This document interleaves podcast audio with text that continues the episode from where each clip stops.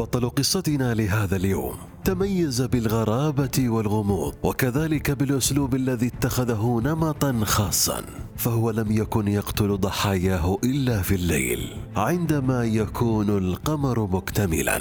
وكأنه مستأذب أو مصاص دماء. لهذا سميت جرائمه باسم جرائم ضوء القمر. لم يكن يهاجم ضحية واحدة بل تخصص في مهاجمة الأزواج والعشاق. وقد نجح على مدار عشرة أسابيع. في بث الرعب في بلدة تاكساركانا الواقعة في ولاية تاكساس إلى درجة أن الناس باتت تخشى الخروج من منازلهم بعد حلول الظلام. هذا البودكاست للكبار فقط نظرا لما يحتويه على أمور قد لا تناسب البعض. أنا عبد العزيز الخمالي وأقدم لكم بودكاست ضد مجهول. في البداية تذكروا أن تقييمكم للبودكاست وتعليقاتكم المفضلة سواء على منصات البودكاست أو على صفحتنا في تويتر. باسم بودكاست ضد مجهول. هي من تدفعنا إلى الأمام وإلى الحكاية.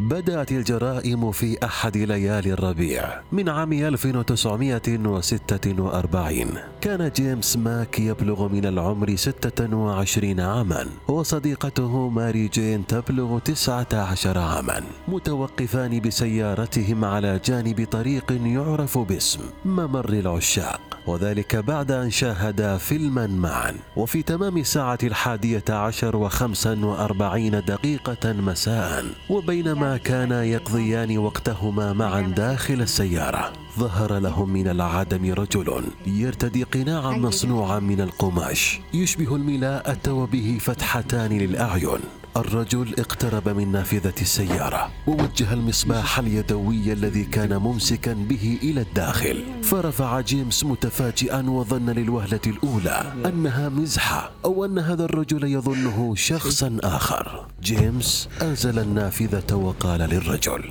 أظنك تبحث عن شخص آخر. لكن الرجل أجابه بكل برود. لا تجبرني على قتلك. نفذ كل ما أقوله لك. ثم طلب منهما النزول من السيارة وأن يخلعوا ثيابهم. فنفذوا أوامره والخوف يمتلكهم. وعلى حين غرة قام الرجل المقنع بضرب جيمس على رأسه مرتين بعقب المسدس فسقط مغشيا عليه. أما ماري جين فقد أصيبت بالذعر ولم تستطع تمالك نفسها.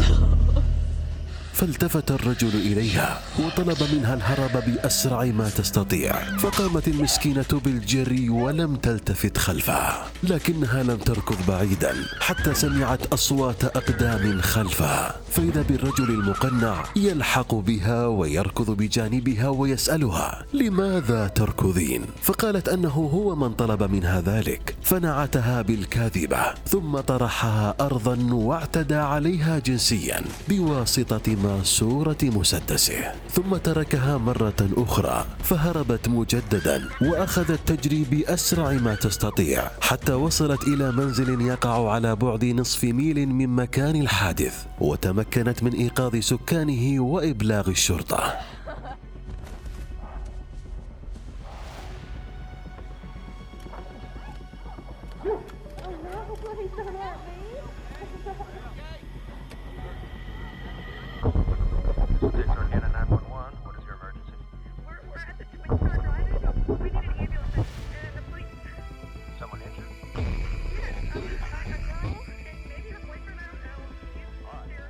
في هذه الأثناء وعلى الرغم من الضرب المبرح الذي تلقاه جيمس على يد الرجل المقنع إلا أنه استعاد وعيه ونظر حوله فلم يجد أثرا للرجل وراح يمشي على طول الشارع واستطاع إيقاف أحد المارين بسيارة والذي سارع بدوره إلى إبلاغ الشرطة. وفي غضون ثلاثين دقيقة وصل مأمور المقاطعة ومعه حفنة من رجال الشرطة إلى مكان الهجوم ولكن بعد فوات الأوان حيث لم يعثروا على الرجل المقنع.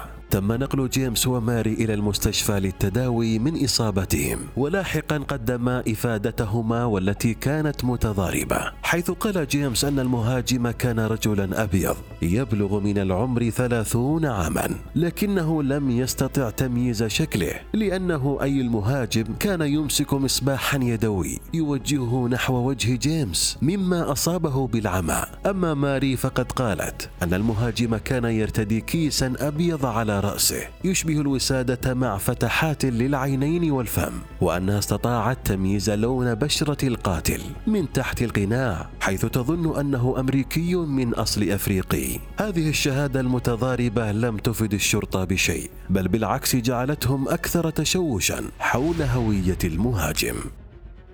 وفي صباح الرابعة والعشرين من شهر مارس تم العثور على جثة ريتشارد غريفن البالغ من العمر 29 عاما ومعه الآنسة بولي آمور حيث كانت تبلغ 17 عاما. كان غريفين قد خدم في البحرية الأمريكية حتى تم تسريحه في نوفمبر لعام 1945 تم العثور على الجثتين بواسطة سائق دراجة نارية عابر. ارتاب بشأن السيارة المتوقفة إلى جانب أحد الطرق التي يتوقف عندها العشاق داخل السيارة. كانت جثة غريفين في المقعد الأمامي وقد أسند رأسه على المقعد بينما جثة بولي في المقعد الخلفي ورأسها للأسفل. وكلاهما تلقيا رصاصة في الرأس. وتبين من خلال التحقيقات أن الجريمة وقعت خلال الليلة السابقة وأن بولي قتلت خارجا وتم وضعها لاحقا في السيارة بعد اغتصابها على يد القاتل.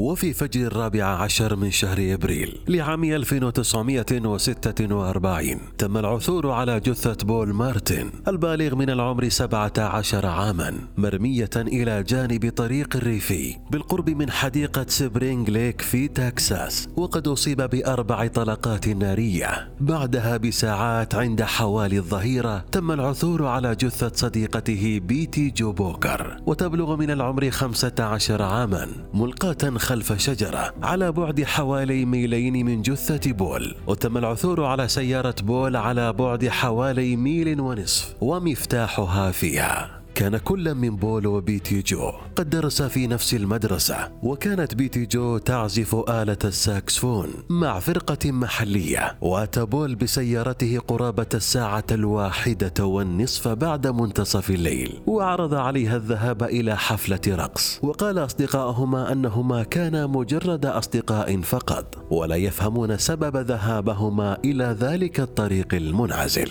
خلال التحقيق لم يتم العثور على الساكسفون الذي كان بحوزة بيتي. مما قاد الشرطة للتفكير أن القاتل ربما أخذه معه كتذكار أو شيء من هذا القبيل. وكانت الشرطة تضع آمالا على العثور على الساكسفون المفقود وبعد عدة أسابيع تم إلقاء القبض على رجل في كوربس كريستي في تكساس كان قد ذهب إلى أحد متاجر الموسيقى واستفسر عن إمكانية بيع ساكسفون لهم. وادعى صاحب المتجر أن الرجل بدا متوترا وخائفا وفي النهاية فر من المتجر. وتم تعقب الرجل حيث كان نزيلا في أحد الفنادق القريبة. وتم احتجازه ولكن الساكسفون لم يكن موجودا معه. غير أن الشرطة عثرت على كيس به بعض الملابس التي تحتوي على بقع دماء. ادعى المشتبه به أنه كان يرتدي هذه الثياب في أحد الحانات وأنها تلطخت بالدم بعد شجار مع أحد الأشخاص. وفي النهاية تم إطلاق سراحه لعدم كفاية الأدلة ضده. بعد ستة أشهر من الجريمة تم العثور على الساكسفون المفقود بين الأحراش بالقرب من المكان الذي عثروا فيه على جثة بيتي. وبعد جريمة بول مارتن وبيتي تم استدعاء محقق تكساس الشهير النقيب مانويل الملقب لون وولف جونزاليس. وذلك للمساعدة في التحقيق.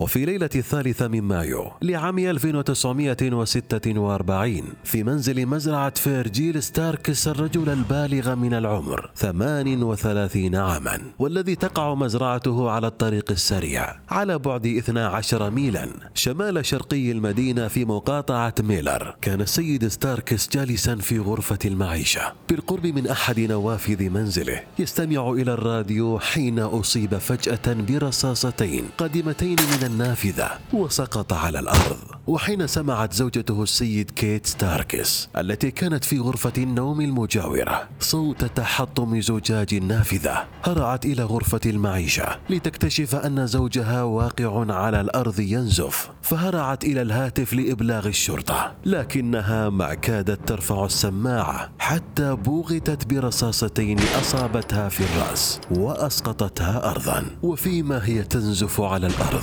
سمعت صوت تمزيق الحاجز المعدني للباب فعلمت أن القاتل بصدد اقتحام المنزل فاستجمعت قوتها وركضت إلى غرفة النوم لتأخذ مسدس زوجها لكن الدماء على وجهها أعمتها فسقطت أرضا. وفي هذه الأثناء كان القاتل قد دخل المنزل وسمعت خطواته وهو يرتقي الدرجة إلى الطابق العلوي بحثا عنها. فاستجمعت قوتها مرة أخرى وركضت إلى خارج المنزل.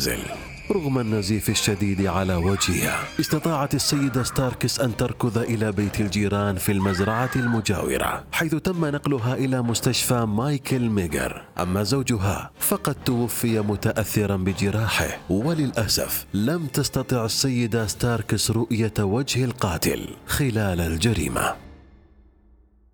المحققون في البداية كانوا محتارين بشأن ما إذا كان قاتل السيد ستاركس هو نفسه قاتل الضحايا الآخرين فالضحايا هنا في منزلهم في مزرعة وليسوا في سيارة أو على جانب الطريق. كما أن الرصاصتين التي عثر عليها المحققون في مسرح الجريمة كانت من عيار 22 بينما الرصاصات المستخدمة في الجرائم السابقة كانت عيار 32 تم العثور على بعض الأدلة في مسرح الجريمة. كان هناك خطوات حذاء ملطخة بالدم. كما عثر رجال الشرطة على مصباح كهربائي يدوي تركه القاتل خلفه. تم جلب كلاب خاصة مدربة على تتبع الروائح. وبالفعل تتبعت الكلاب رائحة القاتل. لكن الرائحة اختفت عند الطريق السريع. تم إرسال عشرات رجال الشرطة إلى جميع طرق العشاق لمنع التوقف فيها للحيلولة دون وقوع جريمة جديدة. تم إرسال المصباح الكهربائي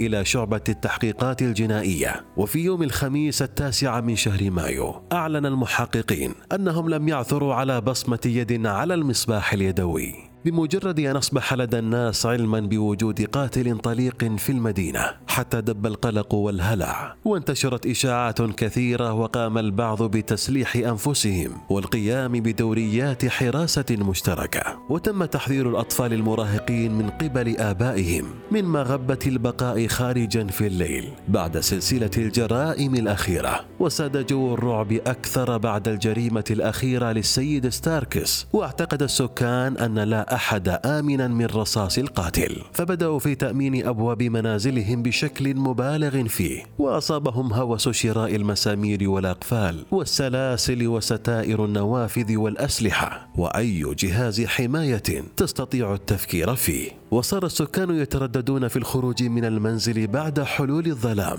إلا للضرورة القصوى. وأصبحت المطاعم والمقاهي والمسارح والحانات شبه خالية من الزبائن وتضاءلت حركة المرور في شوارع المدينة ببطء إلى العدم مع اندفاع الناس لمنازلهم بعد العمل مباشرة وعدم الخروج ثانية. وكان رجال الشرطة يوقفون أي شخص مشتبه به في الليل ولديهم أوامر باطلاق النار على أي شخص لا ينصاع لأوامرهم. لكن وسط كل هذا الخوف ظهرت بعض المواقف الشجاعه حيث أن بعض العشاق تعمدوا ركن سيارتهم إلى جانب الطرق والانتظار فيها متسلحين على أمل اصطياد القاتل. حتى أن مأمور المدينة في أحد الليالي لمح سيارة واقفة إلى جانب الطريق فأوقف سيارته وتقدم نحوها وهو يقول أنا المأمور لماذا أنتم متوقفون هنا؟ فردت عليه فتاة قائلة من الجيد أنك أخبرتنا انك المأمور. لاني في هذه اللحظة ممسكة ببندقية وموجهة إياها نحو صدرك. لم تكن تحقيقات الشرطة يسيرة وسهلة وكان هناك العديد من الفرضيات والمشتبه بهم. لكن المشتبه الرئيسي في هذه القضية كان يدعى يويل سويني. ولد في عام 1917 ونشا في ريف مقاطعة كليفلاند أركنساس. سويني كان معروفا وله تاريخ طويل في التزوير والسرقة وتم ربطه بالجرائم الأخيرة بناء على أوصاف تفصيلية لجرائم القتل من زوجته بيجي لكنها رفضت لاحقا الشهادة في المحكمة. يويل سويني تم اتهامه بسرقة أحد السيارات في عام 1946 وبقي في السجن حتى تم إطلاق سراحه عام 1973 والمفارقة العجيبة أنه في نفس العام الذي تم سجنه فيه توقفت جرائم القتل بعدها. وكان اثنان من المحققين الرئيسيين في القضية وهما ماكس تاكيت وتيلمان جونسون. شبه متأكدين أن يويل سويني هو المجرم. هناك من يعتقد أيضا أن سويني ليس القاتل وأن الجرائم توقفت ببساطة بسبب الحملة الكبيرة للشرطة. هناك من يعتقد أيضا أن سويني ليس القاتل وأن الجرائم توقفت ببساطة بسبب الحملة الكبيرة للشرطة والسكان. بعد حادثة القتل في مزرعة ستاركس وأن القاتل ربما استشعر خطر قرب إلقاء القبض عليه ففر هاربا من المدينة. في النهاية وعلى الرغم من تحقيقات الشرطة الواسعه ظلت جرائم القتل هذه بدون حل إلى يومنا هذا ولا زالت ضد مجهول ولم يتم ابدا القبض على القاتل الذي أطلق الناس عليه اسماء عديدة منها القاتل الشبح والقاتل المهووس بالجنس. وحتى الحلقة القادمة. كونوا حذرين.